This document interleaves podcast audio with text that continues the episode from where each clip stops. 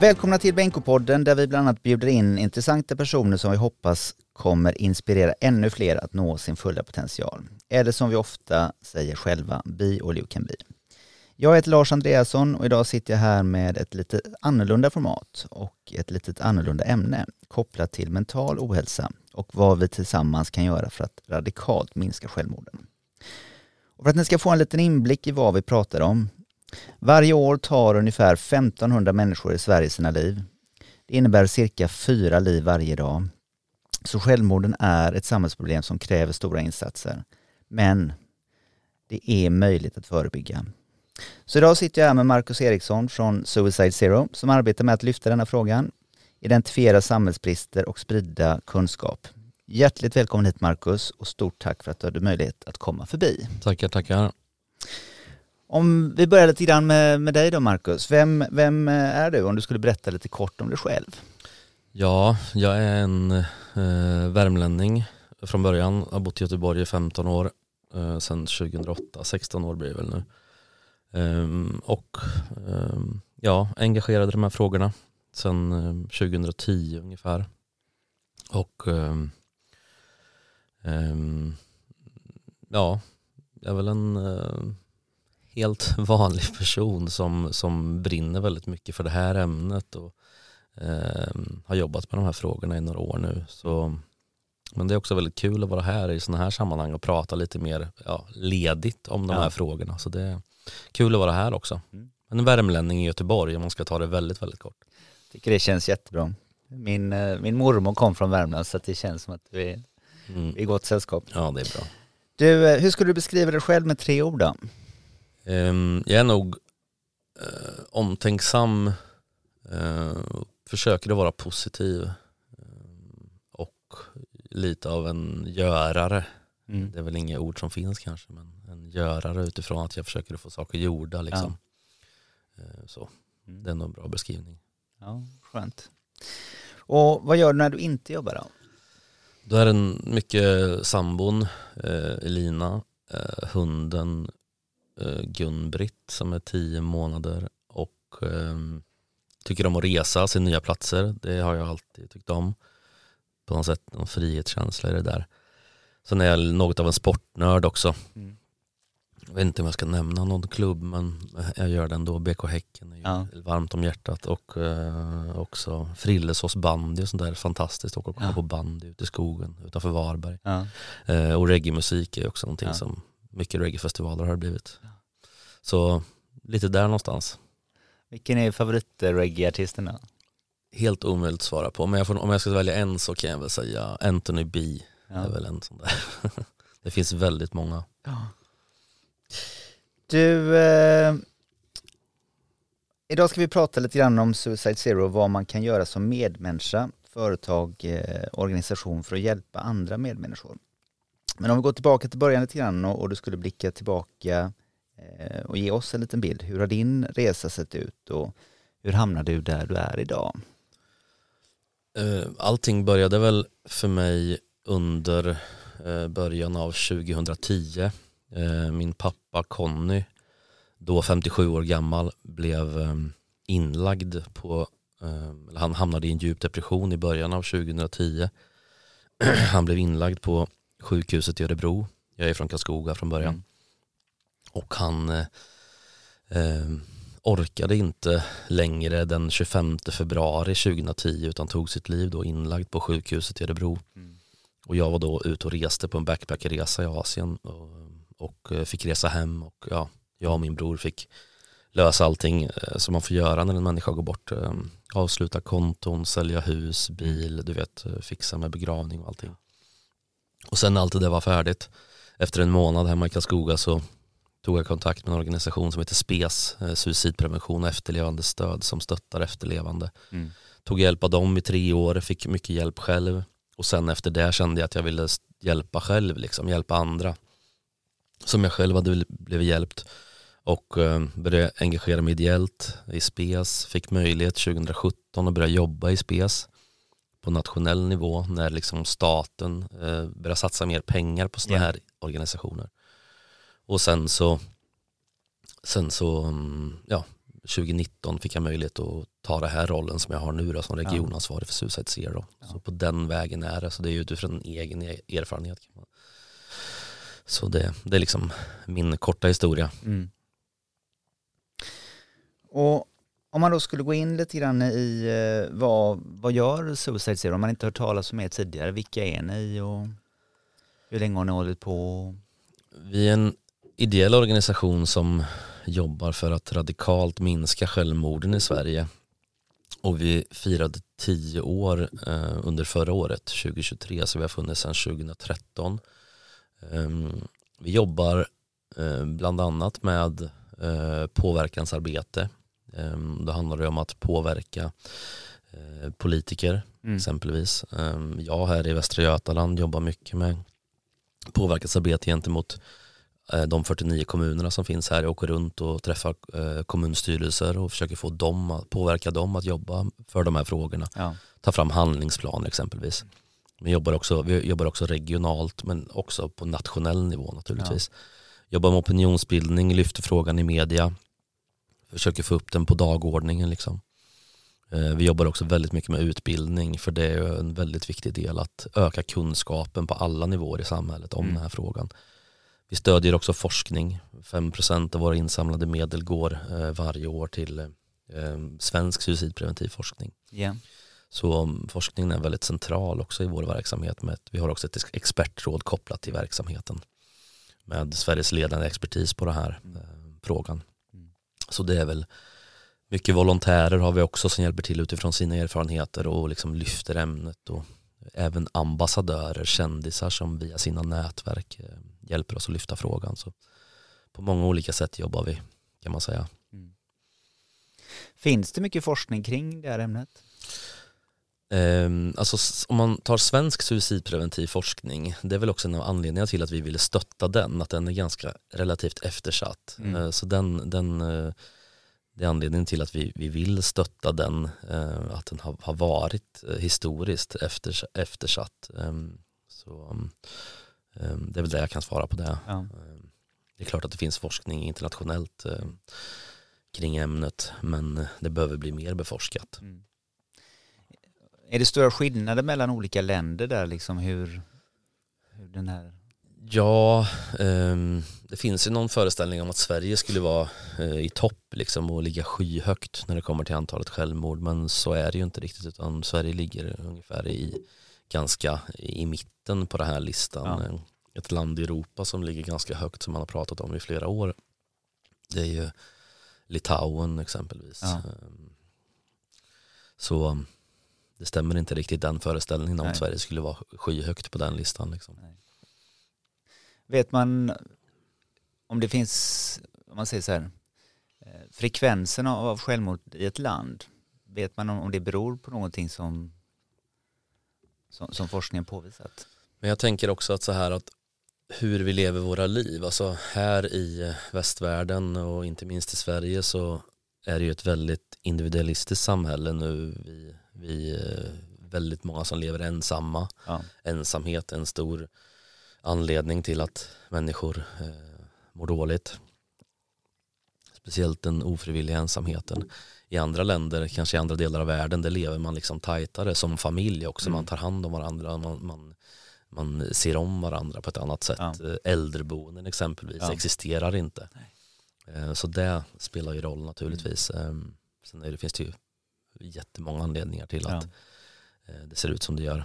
Sen kan det också vara så att, och det har man ju också sett när man har jobbat med det här några år, att i andra länder, Sverige exempelvis och andra länder är ju duktiga på på statistik och mm. liksom följer upp hur många tar sina liv och har en god liksom bild av hur många som dör och, och anledningar och så. Mm. Medan man i andra länder kanske, i andra delar av världen inte kanske är mycket mer också tabu kring ämnet. Ja. Vilket gör att det är också svårare att, att följa upp alltså historiken kring självmord. Ja. Så det, det, är svårare av den anledningen. Ja.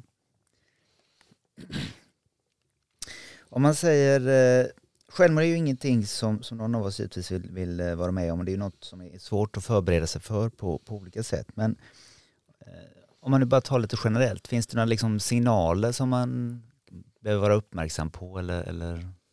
Absolut. liksom?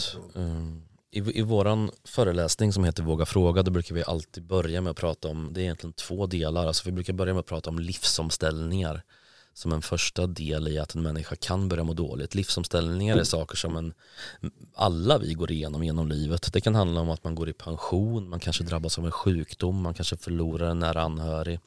Ehm, man kanske kommer som flykting till ett annat land. Alltså stora omvälvande saker som händer i en människas liv. Då behöver man som medmänniska vara där och eh, vara lite artigt påträngande och våga Mm. fråga hur, hur den här saken påverkar den här människan Ja. i ens närhet och, och liksom våga vara där och, och ja, hålla ett samtal om det här. Mm. Det är väldigt viktigt för det kan hända att psykisk ohälsa utvecklar sig där och då när en människa har det tufft i livet. Det är liksom ett tidigt skede. Men när vi pratar om varningssignaler um, där kan ha, den psykiska ohälsan kan ha gått längre det ehm, kan också vara svårare för oss runt omkring att se och uppmärksamma för vi är heller inte um, tränade i att se de här sakerna. Vi får exempelvis ingen kunskap eh, när vi växer upp i skolan om hur, vad vi ska titta efter. Men några saker, jag brukar alltid säga att ta din magkänsla på allvar. Om din magkänsla säger dig att det är någonting som inte stämmer med den här kompisen eller kollegan eller så. Eh, ta den magkänslan på allvar och ta upp det här med personen att eh, du känner dig orolig för personen. Mm. Några saker kan ju vara, om man ska bli lite mer konkret, det kan vara att personen kanske beter sig annorlunda, drar sig undan mer och mer, eh, inte fungerar som den brukar i sociala sammanhang. Exempelvis en depression, den ter sig ju inte likadant eh, kanske för dig och mig. Mm. Om du och jag skulle bli deprimerade samtidigt så kanske vi skulle bete oss helt olika. Ja. Det finns en bild kanske av att en människa som är deprimerad, eller alla människor som är deprimerade, lägger sig i sängen och drar täcket över huvudet. Mm. Men så ser det ju inte ut utan det kan vara så att män ofta, unga, kanske får ett mer agiterat beteende, blir mer lättirriterade. Mm. Ehm, Så vi behöver titta efter saker som frångår det normala hos den personen. Det kan också handla om att personen eh, dricker mer, använder mer alkohol, kanske droger också eller mediciner för att döva sitt dåliga mående. Det är ett sätt att försöka att må bättre, Mm. en desperat försök att försöka må bättre. Det kan också handla om att personen kanske som mår dåligt pratar om självmordet som en bra lösning på alla sina problem. Alltså att man, det här självmordspratet som vi brukar prata om, det, det är lite slarvigt uttryckt men att man liksom pratar om självmord som en lösning på alla sina problem, som att det skulle vara en bra lösning. Och det här pratet behöver man ta på allvar och liksom, eh, tänk inte bara att det är ett, det är ett rop på hjälp, men Mm. ta upp det med personen också och fråga vad ligger det någonting bakom det här. En annan sak som vi alltid tar upp som är ganska vanlig, vilket också hände faktiskt i min pappas fall innan han dog, det är att eh, vi brukar säga att plötsligt verkar personen må bättre. Det är så att när en människa är djupt deprimerad och har självmordstankar, Mm. eh, då kanske inte orken finns för att genomföra en självmordshandling. Man kanske inte har orken helt enkelt, Nej. för det kräver en del rent fysiskt också. Sen när depressionen börjar lätta en aning och de här starka tankarna finns fortfarande, då kanske man då kanske självmordet framstår som en, som en lösning på alla sina problem och man också har orken att genomföra en självmordshandling. Då kan man också framstå för alla runt omkring som att, eh, som att man mår bättre och är gladare. Man har kanske man har liksom hittat en lösning i det här tillståndet som man är i och man upplevs som gladare, piggare, pratar om framtiden på ett annat sätt. Men det är också en varningssignal man behöver vara uppmärksam på om det här skiftet från att en människa är djupt nere, deppig till att snabbt vända om till att bli jättepositiv och jätteglad. Och så det behöver man känna till. Mm. Ehm, Att ehm, då kan det vara så att den här människan, den här personen i ens närhet har planerat att ta sitt liv Mm. eh, i närtid. Så då behöver man också vara uppmärksam på och veta om att det är en varningssignal. Det är inte ovanligt. Nej. Hur vanligt är det, du sa just det där att, att individen själv börjar prata om att självmord är en lösning. hur, hur vanligt är det?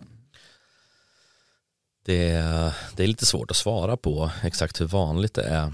Men det som är ganska vanligt tänker jag det är att vi, vi eller man runt omkring, man tänker att ah, det där är bara någonting som man säger och Ja. det där betyder ingenting. Men det är viktigt att vi tar det där pratet på allvar och att vi följer upp det. Mm. Ehm, Att vi inte bara tänker att "Ja, det där är bara något som man säger.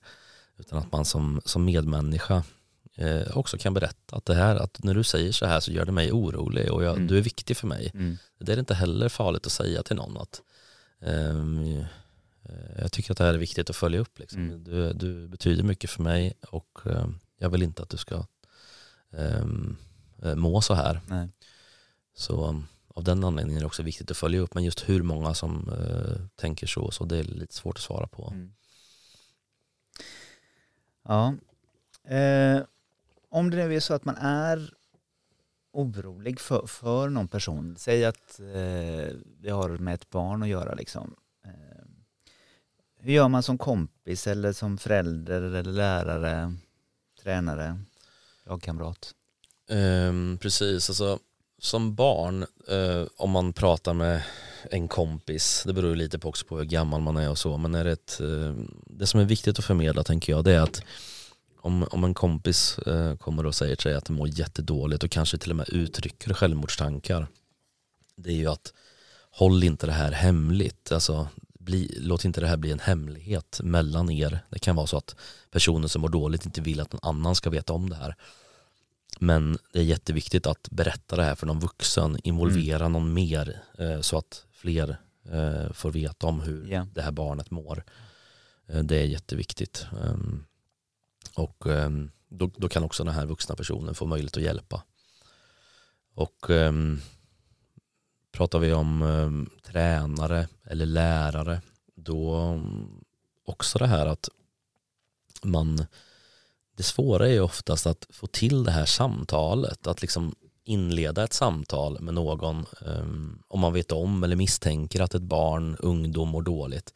Starta det där samtalet och, och lyssna eh, och låt det få ta tid. Mm. Oavsett vilken grupp vi pratar om, om vi pratar om att hålla ett samtal med en vuxen eller med ett barn eller så, så vi är ganska snabba vi människor på att försöka komma med lösningar. Mm. Alltså, ehm, om en kompis till mig mår väldigt dåligt, ehm, då vill jag att den personen snabbt ska må bra. Mm. Men eh, det är inte så att jag kan ju inte lösa den där situationen här och nu, utan min uppgift är ju att inleda ett samtal, låt personen som jag pratar med få liksom prata ut och få sätta ord på sina tankar och känslor. Ehm, Det finns ingenting att lösa här och nu. Och det bör man ha med sig också som lärare, som tränare eller vart man är. Ehm, Särskilt när man träffar barn och unga, att man låter det där samtalet ta tid också. Mm. Men det är så otroligt mycket värt också som barn och ung att få bli lyssnad på. Mm. Och att man förstår att ah, det är någon som, kanske aldrig någon som har lyssnat på en. Nej. Det där hände ju mig själv faktiskt när jag gick in i en djup depression i gymnasiet och jag tog stegen liksom över skolgården i Degerfors där, den här macho fotbollskulturen och jag satt mig i soffan hos kuratorn och hon bara frågade liksom, ställde några, en enkel fråga, bara, hur är det med dig Marcus? Och jag bara, det bara forsar ju tårar Ja. liksom. Det var första gången någon hade kanske frågat det, Ja. utomstående. Ja. Och jag fick prata om hur jag mådde liksom. Och det, sen sågs vi ett år framöver en gång i veckan liksom. Och det där förändrar ju hela mitt liv liksom. Ja. Alltså, det är otroligt viktigt att, att bli lyssnad på. Mm. Låta det få ta tid. Det var ganska förlösande att du säger det, för att det är ju en sån enkel fråga att ställa när du beskriver det. Men det är Mm. kanske är precis den första frågan som är den absolut svåraste när man kommer som, som utomstående. Att Ja. veta det, för att ofta kanske man känner att det måste vara rätt typ av fråga för att det inte ska bli, bli skadligt. Eh, det kanske är precis så, så, så enkelt att ta med sig. Ja, Hur och sen, med dig? ja precis. Och sen eh, tänk, verkligen tänka att det är inte min uppgift här, här och nu i det här samtalet som jag startar genom att ja, ställa den här frågan. Ja. Hur, hur är det med dig? Hur är det, hur, hur är det liksom? Hur är det med dig? Eh, inte tänka att det är min uppgift att lösa alla Nej. den här personens problem oavsett om det är ett barn eller en ung. Naturligtvis så ska man hjälpa vidare om man anser att det behövs. Mm. Men inte där och då i samtalet tänka att nu måste jag lösa det här. Mm. För då låser det sig ofta Och det blir också väldigt svårt om jag lägger på mina egna axlar att det är mitt ansvar att Mm. lösa det här. Ehm, det, det gör det också kanske till och med att man inte ens startar det där samtalet om man tänker att det är mitt ansvar. Mm. Och sen också ska jag lägga till här att det är väldigt viktigt att våga fråga också om självmordstankar. När du pratar med en eh, kollega exempelvis eller vem den är. Alltså den där frågan om att eh, när du förstår att den här personen mår inte så bra. Nej. Våga också ställa frågan om självmordstankar. Det är någonting som vi pratar om väldigt mycket och anledningen till att vår, hela vår utbildnings eh, vad ska jag säga, portfölj heter Våga fråga. Ja. Alltså ställ frågan om självmordstankar för där kan du få mycket viktig information. Eh, Det är inte så att människor som mår dåligt i vårt land eh, jag själv har kämpat mycket med psykisk ohälsa genom livet. Det är inte så att jag har fått frågan en massa gånger om självmordstankar utan det är väldigt sällsynt Ja. att man får den frågan. Den är läskig att ställa också Ja. men ack så viktig. Men det är väl klart att just att ställa den frågan, man kanske är rädd för att ställa frågan för att det ska trigga igång någonting. Precis, det där? precis. Det är en av våra vanligaste myter Mm. Ehm, att ehm, ehm, ja, men, du vet, väck inte den björn som sover. Eh, man tänker kanske att, och det är inte konstigt om man inte har kunskapen om det, att ställer jag den här frågan om självmordstankar till en kompis exempelvis, Mm. då kanske jag tänker att ja, men det, kommer, det kanske gör att den här kompisen eh, tar sitt liv. Ja. Men där är ju forskningen ganska tydlig att frågan om självmordstankar, att ställa frågan om självmordstankar till någon som mår dåligt i ett samtal, det kommer inte göra att den här människan tar sitt liv utan det är eh, snarare hjälpsamt Mm. och det gör att den här människan får möjlighet att dela sina tankar med någon och liksom ja, dela den här bördan som man bär på och kanske har burit på jättelänge. Mm. Och man ska ha med sig det här jag sa tidigare att det är inte så att människor är vi som människor är inte så duktiga på att ställa den här frågan för att den är också svår. Ja. Vi ska vara ödmjuka inför det. Den är svår men den är också livsviktig så därför måste vi eh, träna på det Ja. och eh, ja, bli bättre på det helt enkelt. Mm. Men det är en, det är en myt att eh, man väcker en björn som sover om man ställer den här frågan. Jag brukar säga att björnen redan är vaken och vill inget hellre än att prata om det här Nej. som den upplever. Mm. Om man säger så, nu har vi pratat lite grann om, om, eh, om man ser på ett barn att de mår, mår, mår dåligt. Eh, om det är en vuxen då? Är det någon Eh. skillnad där? För det är klart, du, har ju både, eh, liksom, det kan vara en kollega, man kanske inte har samma relationer om, om man är vuxen tänker jag. Både kollega, arbetsgivare. Precis. klart, är man partner eller barn så är det en annan sak. Men, Ja, precis. Ja, men just det här med, som vi sa med barn, nu upprepar jag mig, men det är just det här att eh, pratar man med ett barn eller barn pratar med barn, det är just att involvera en vuxen och hålla inga Ja. hemligheter, den är ju väldigt viktig.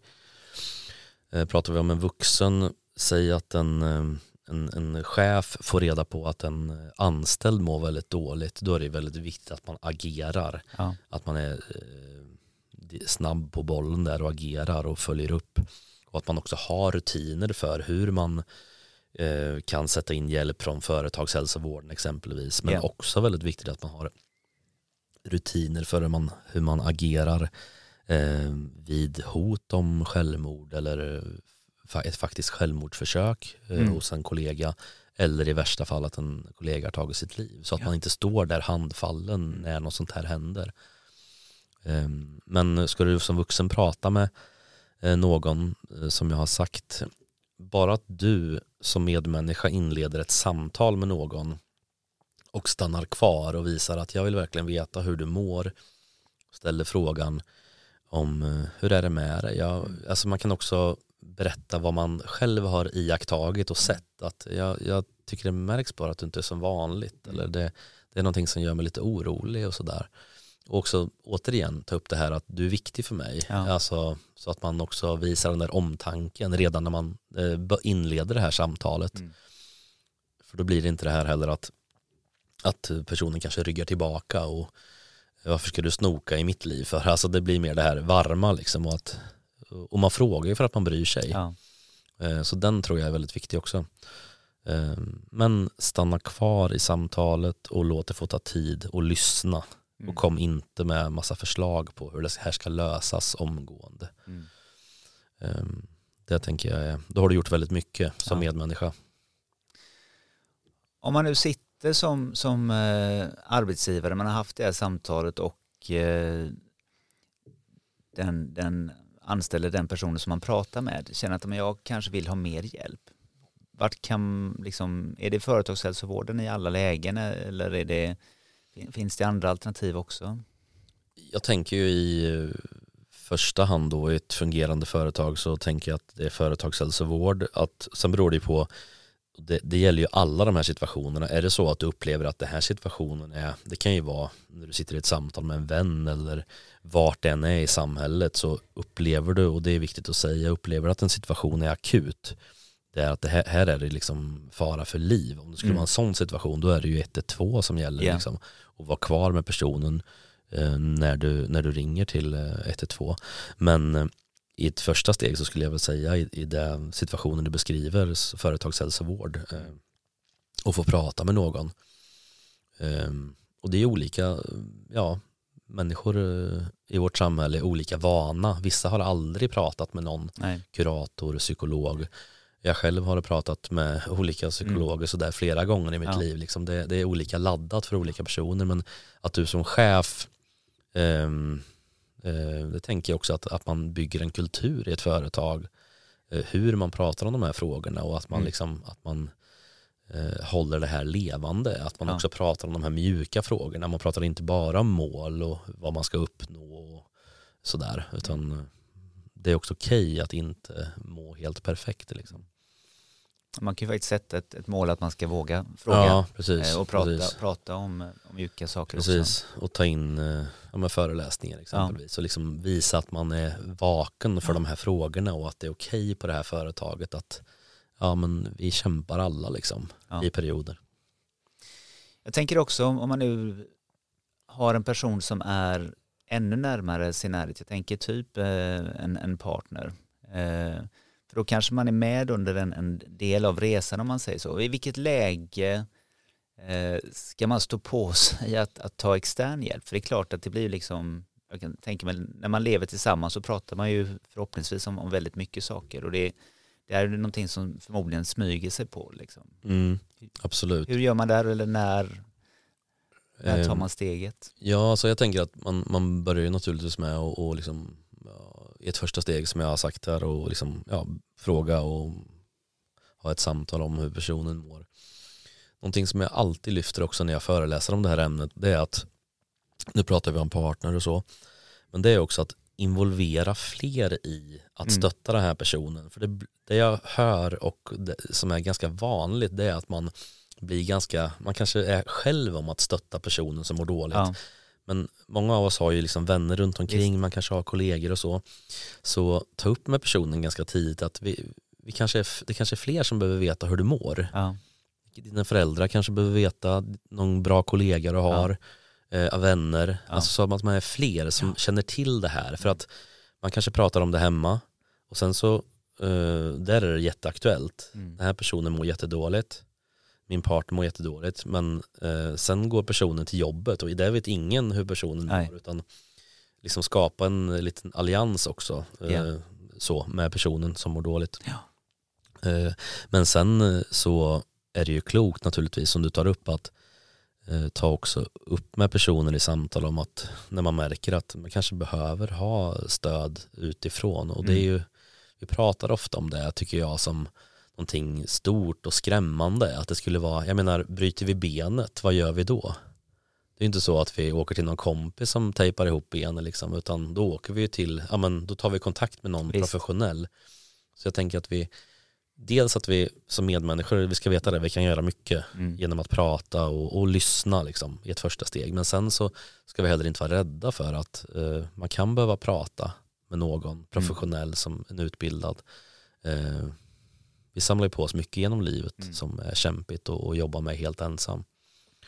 Eh, så jag tror att vi behöver liksom sänka garden lite där också. Mm. Eh, vi är väldigt snabba på att söka hjälp, liksom att vi ska direkt in till ja. vården eller liknande. Eh, få professionell hjälp vid fysiska åkommor och sådär. Men inte lika kanske vassa och snabba på den när det kommer till mental ohälsa. Nej. Och det kan vara väldigt hjälpsamt bara att få prata med någon Mm och reda ut saker. Så om man ska sammanfatta lite tips här, eh, om jag ska försöka mig, mig på det, så nummer ett egentligen, våga fråga. Om det är så att man känner att det här är, är ett beteende som förändras. Att man inte gör frågan så komplicerad utan frågar egentligen bara hur, hur mår du? För att du är viktig för mig. Om det är så att någon frågar varför frågar du det? Eh, och just att försöka involvera andra så att man inte tror att man ska ta alltihopa på sig själv utan att man är en del i lösningen. Inte att man måste vara, eh, att man, man måste inte ge lösningen utan att lyssna är en del av lösningen. Mm. Eh, och att det finns eh, extern hjälp att få. Så involvera flera. Mm, absolut. Det, ehm, det tycker jag är en väldigt bra sammanfattning. Och är det på allvar, så man känner att det här är på riktigt just nu, då är det 112 som gäller. Och Mm, då stannar man kvar egentligen tills dess att man har fått, fått hjälp. absolut.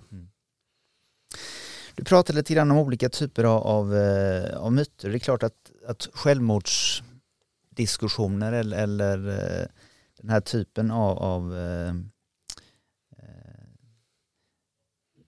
liksom ytterligheter, eller liksom det, är ju, det är ju sista anhalten lite grann, har ju varit tabubelagda diskussioner lite grann. Vad är det för typ av myter som, som ni upplever att, att det har funnits och vad gäller på riktigt om man säger så? Jag ska säga först att de här myterna kommer ju av, de växer sig starka i okunskap. Mm. Eh, De säger också att vi människor inte ska göra någonting. Alltså det finns ingenting att göra. eh, Utan eh, det gör att vi inte agerar också. Ja.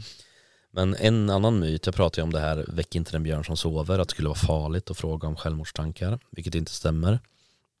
En annan myt säger att eh, det går inte att hindra någon som har bestämt sig för att ta sitt liv.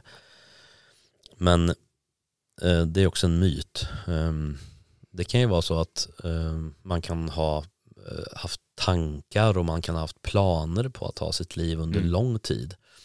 Men att planera att ta sitt liv är ju inte samma sak som att agera på den Nej. här tanken.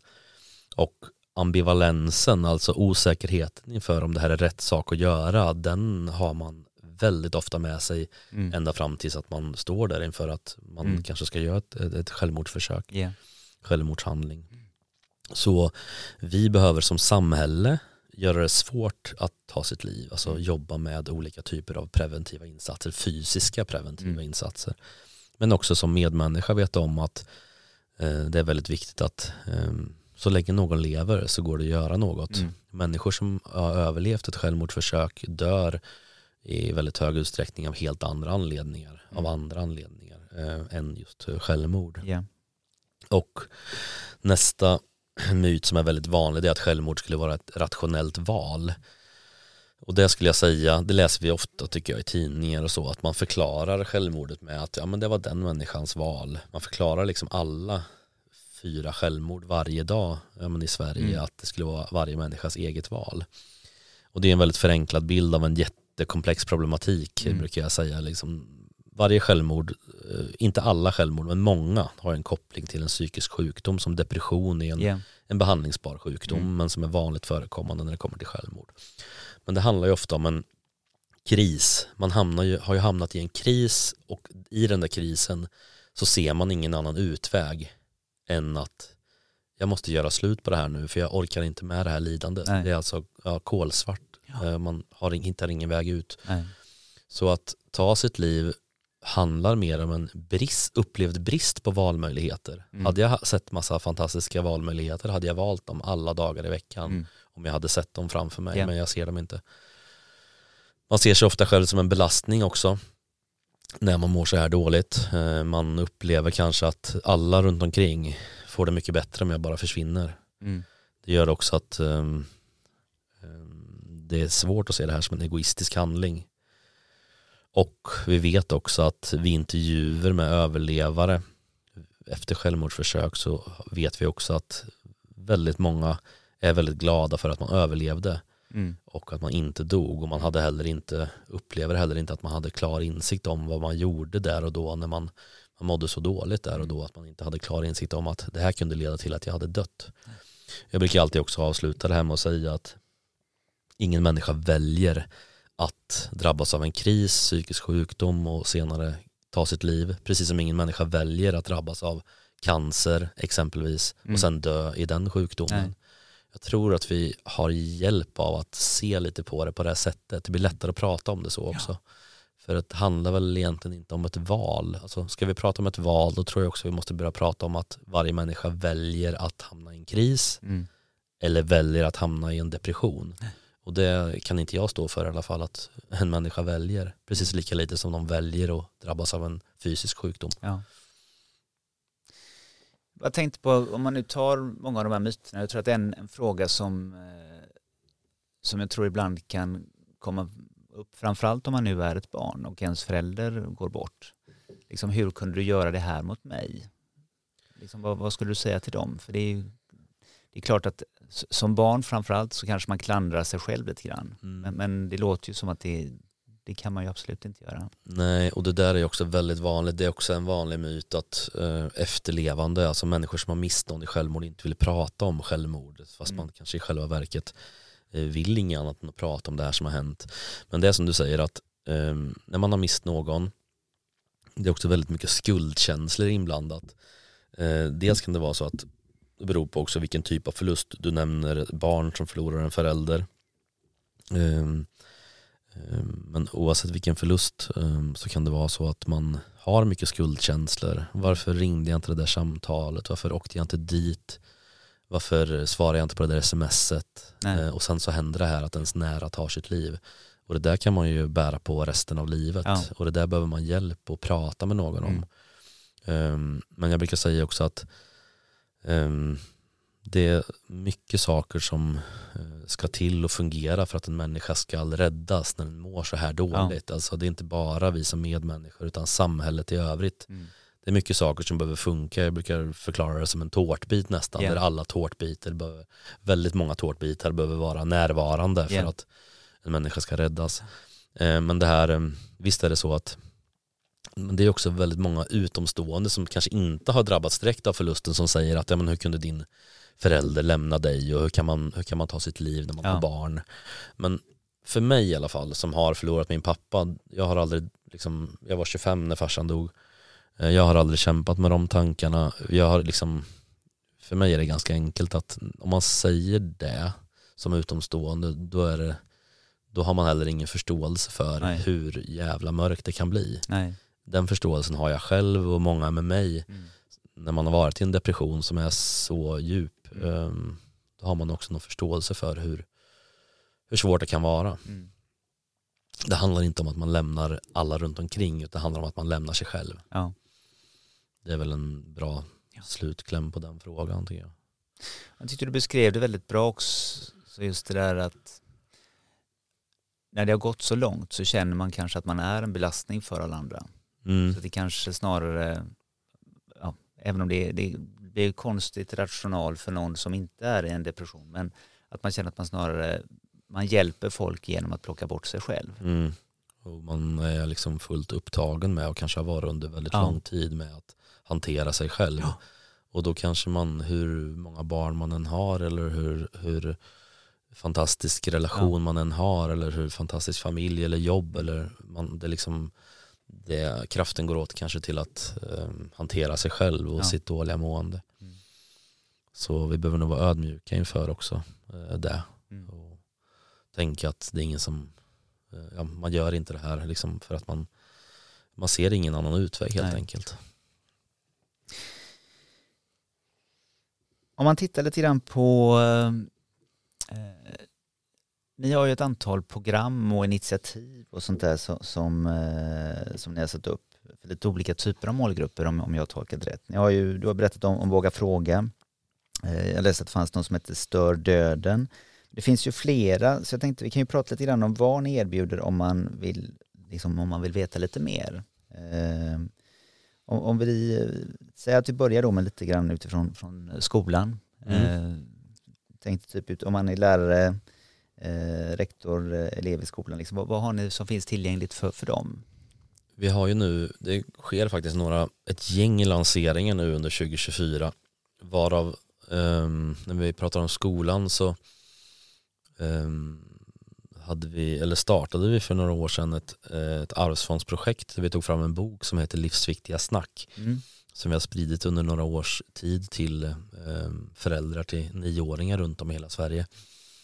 Det handlar ju om att göra barn i åldrarna 9 till 12 år trygga i att sätta ord på sina tankar och känslor Mm. om man ska förklara det väldigt kort. Mm. Eh, att prata om hur man mår helt enkelt, de här mjuka frågorna.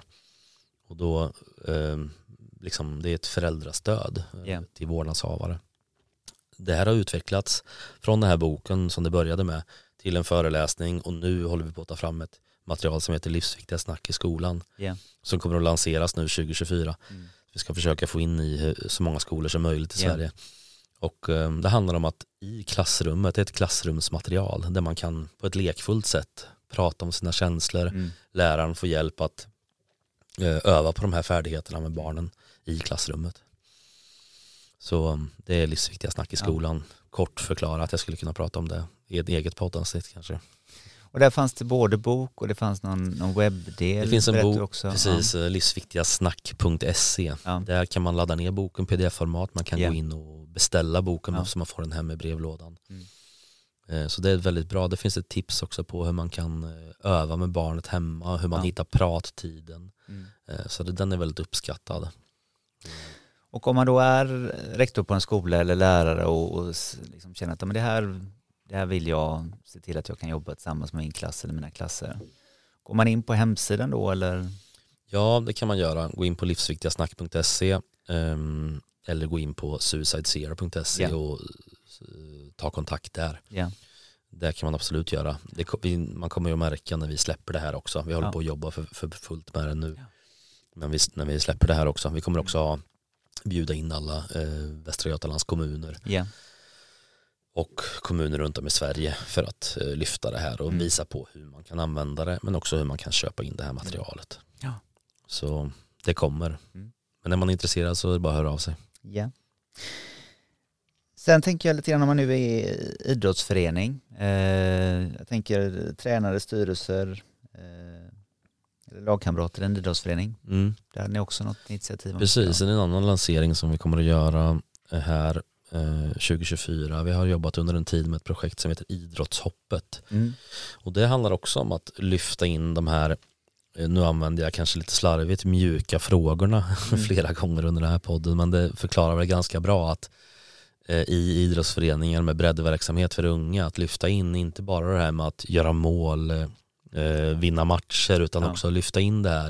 Det är många som mår dåligt, kanske har det tufft hemma Ja. eller kämpar på olika eh, sätt. Lyfta in de här frågorna även under träning. Från styrelserummet i en förening ner till tränare. Också liksom hitta sätt att eh, öva på de här färdigheterna med barn och unga. Om att sätta ord på sina tankar och känslor. Få träna på det här i eh, Mm. träning. Så det är liksom idrottshoppet. Det kommer bestå av en, en hemsida. Ja. Där man kan gå in och hitta inspiration som idrottsförening. Ja. Så det är ju för alla idrottsföreningar när det väl släpps här under 2024. Jag kan säga också att vi har ett samarbete med Rebelslids IK som ett större idrottssamarbete här i Göteborg och nu på lördag här um, den 13 januari så kommer vi vara på plats vid deras match här mot Mm. Torslanda. Um, De har vi haft ett samarbete med under några år. Ja. Um, Så det är också väldigt kul att vi har den typen och de hjälper oss sen att liksom få ut det här materialet också. Ja. Så det är väldigt kul. Idrottshoppet är ett jättefint initiativ som jag hoppas mycket på. Mm. Ja, vad spännande. Om du tar för, för eh, alla andra grupper då, om du pratar föräldrar, allmänhet, företag med mera. Vad, vad har ni att, erbjuda där? Precis, jag tänkte jag ska bara nämna kort att eh, innan det, eh, vi, vi har um, också en utbildning som heter Våga berätta. Som, det är Ja. vår första utbildning som kommer komma, som kommer rikta sig till tonåringar, till högstadieelever, till gymnasieelever. Där man också i klassrummet kan titta på en, en em, utbildning, utbildningsfilm och sen ett samtalsmaterial kopplat till den utbildningen, vilket också kommer komma nu under.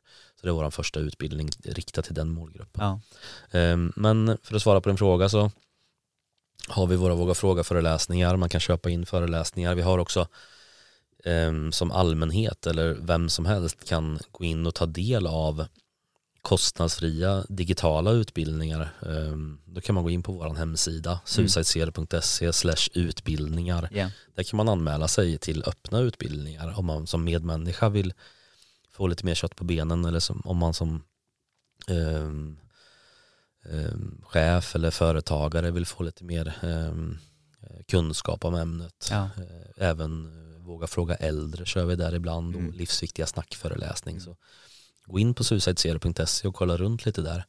Det finns också möjlighet, eh, vi har eh, Våga fråga E, det är liksom ett sätt för större organisationer, företag, kommuner, regioner att grundutbilda all sin personal kring det här ämnet. Ja. Kostnadsfritt.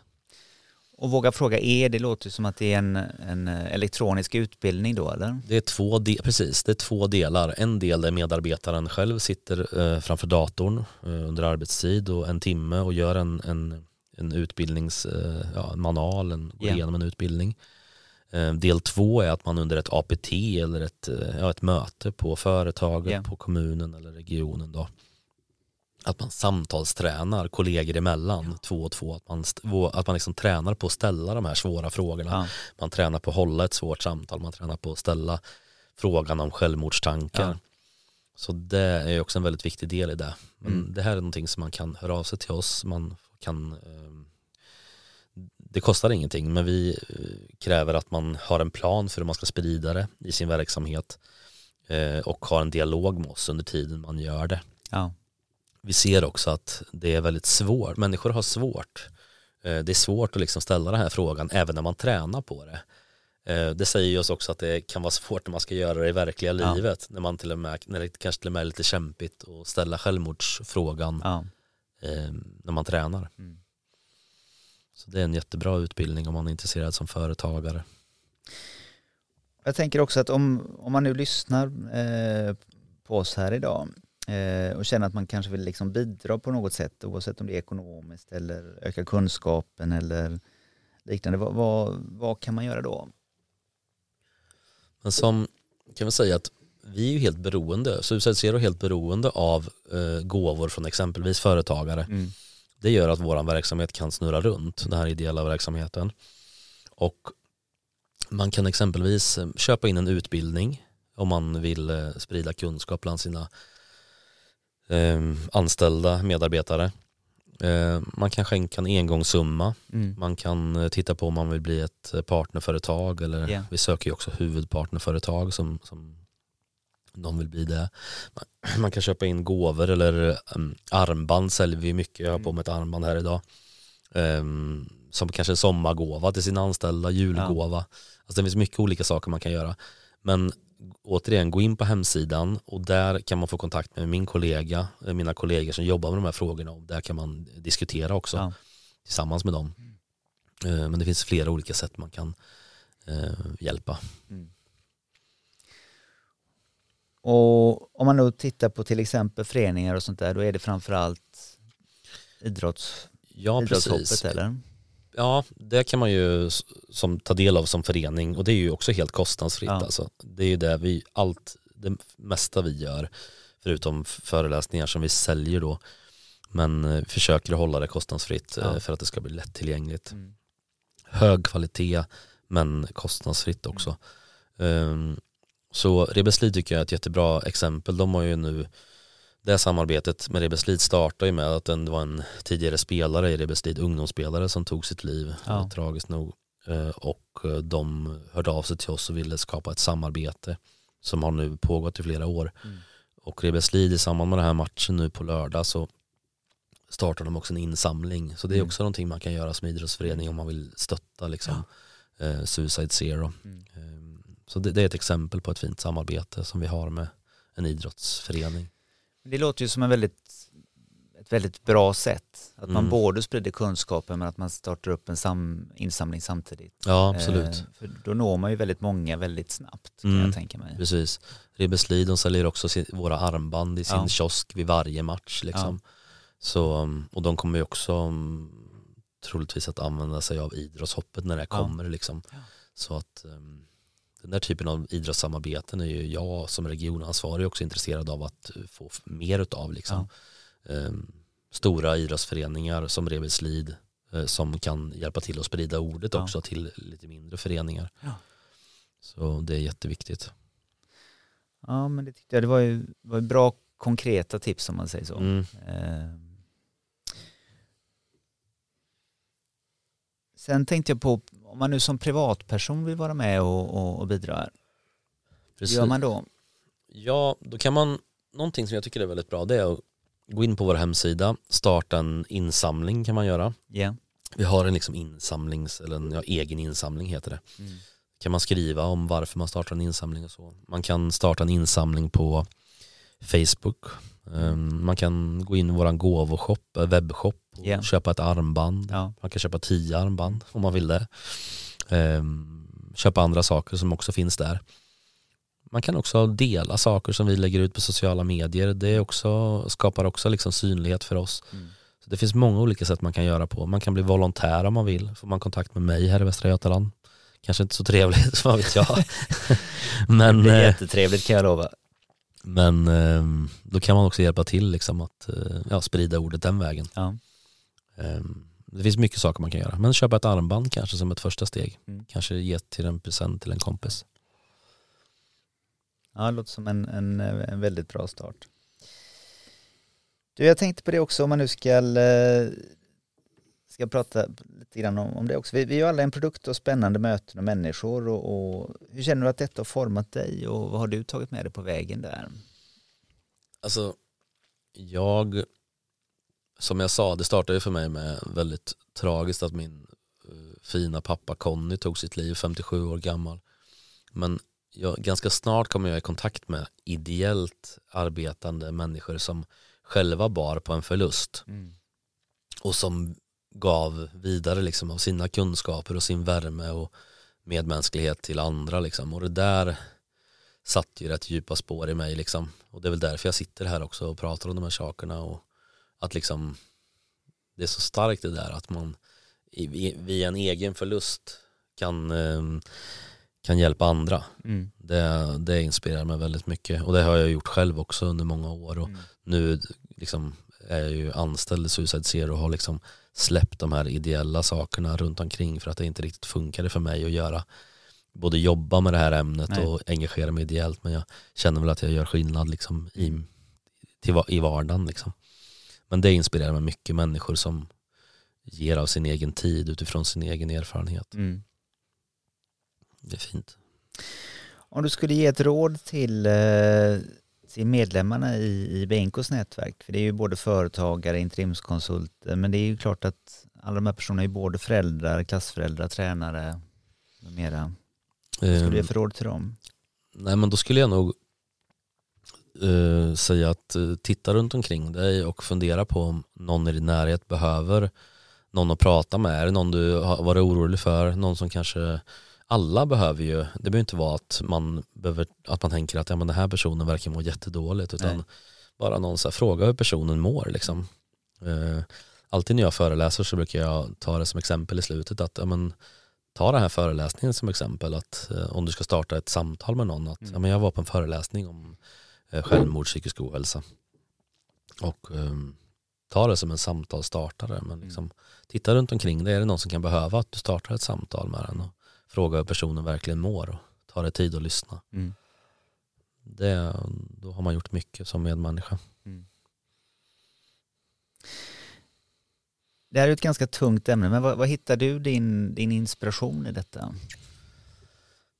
Eh, ja, men jag skulle nog säga att jag är ganska bra på att släppa jobbet när jag inte jobbar. Liksom, Ja. sådär. Och som jag sa tidigare, jag gör väl andra saker och kanske flänger runt lite. Det har jag väl kanske blivit lite bättre på att inte flänga runt hela tiden. Men och gå på någon reggae-konsert och kanske åka och kolla på lite sport och du vet, göra lite trevliga saker sådär. Eh, Men jag hittar också mycket inspiration ska jag säga i liksom mina kollegor som jobbar som jag gör som regionansvariga runt om i landet. Vi är ju fem stycken som jobbar som jag gör. Så det är ju också väldigt, eh, det här har jag inte fått betalt för att säga, de är väldigt kloka människor liksom som, och man också i det här jobbet så eh, utmanas man hela tiden. Vi jobbar med nya saker hela tiden. Det är väldigt utmanande och inspirerande men, men kollegorna skulle jag säga är väldigt eh, kloka och eh, utmanande också. Det tycker jag är kul. Vilket också gör att jag tror att jag kommer vara kvar ett tag Ja. i den här organisationen. Spännande. Mm. Är det någonting du känner att vi har missat att prata om eller något sån här avslutsord som du skulle vilja skicka, skicka med oss? Jag tycker det är bra att säga också att um, vi pratar ju om vad man kan göra när man står bredvid men om man själv mår dåligt och lyssnar på det här det är det naturligtvis flera som gör. Um, vi är många som kämpar um, och det man ska veta är att eh, det finns många som vill hjälpa dig i din situation och berätta för någon om hur du mår. Det är inte farligt. Eh, Det finns jättemånga som vill hjälpa dig. Och sök också hjälp. Eh, För där finns det också många som vill hjälpa dig. Eh, Det finns många olika sätt att söka hjälp på idag. eh, Via psykolog online, vårdcentral och många olika sätt. Men prata med någon i alla fall. Mm. Prata med någon på jobbet, prata med någon hemma, prata med en kompis. Bara säg hur du mår. Mm. Det är inget att skämmas över att må dåligt. Eh, Det är väldigt många som kämpar med det Mm. jag är inkluderad genom livet. Eh, Och det drabbar oss alla också. Så det är väl det jag vill lägga till. Liksom. Mm. Eh, På suicidezero.se finns det också tips på vart man kan höra av sig. Det finns ju också ideella organisationer som jobbar med att stötta människor Mm. med medmänskliga samtal. Liksom. Men gör någonting och tänk inte att du är ensam i din situation. Det finns vägar ut från det där. Låter lite grann som att det är samma som våga fråga fast åt andra hållet. Det är att känner du att du behöver prata med någon, försök prata med någon. Det spelar inte så stor roll egentligen vem det är. Bara börja med någon. Ja, precis. precis. Och det är verkligen ingenting att skämmas för. Det är ju lite det här med att man skäms inte för om man har liksom snubblat och vridit foten ur led liksom, eller brutit benet. Men det är väldigt jobbigt och, och det är inte Mm. konstigt heller men att man, man kämpar med, med psykisk ohälsa. Liksom. Men berätta för någon om hur du mår. Det är ju väldigt många fler än vad man, man tror att man är ensam i hela Ja. världen om man mår så här. Men, eh, och det där känner jag igen själv också, att man tänker att det är bara jag som tänker Ja. så här i hela världen. Jag helt, håller på att bli galen Ja. kanske. Men det är ju inte så, utan det är väldigt vanligt att Mm. vi mår dåligt i perioder. Mm. Så prata med någon. Ja, stort tack för att du valt att dela med dig och inspirera både mig och alla andra som, som lyssnar om eh, det här. Det är ju ett, eh, ett jätteviktigt område att, att prata om. Eh, det jag känner att jag själv har tagit med mig mycket är just det där att ställ frågan, våga fråga. Gör det inte för komplicerat utan ställ bara frågan. Liksom, hur är det med dig? Eh, lägg inte allting på dina egna axlar utan liksom, du är en del av lösningen. Du är en del av den, den miljön som är runt omkring och att det är många tårtbitar som jag tyckte du beskrev väldigt bra för att man ska få det här att funka Mm. eh, och att allt behöver vara på plats. Och även om man mår dåligt själv, att man faktiskt inleder samtalet eh, så att man börjar ta steg. Mm. Ja, jag har tyckt att det varit jättespännande att få, få, eh, få prata med dig Marcus. Det har varit eh, jättekul att ha dig här. Mm. Eh, stort lycka till eh, i framtiden.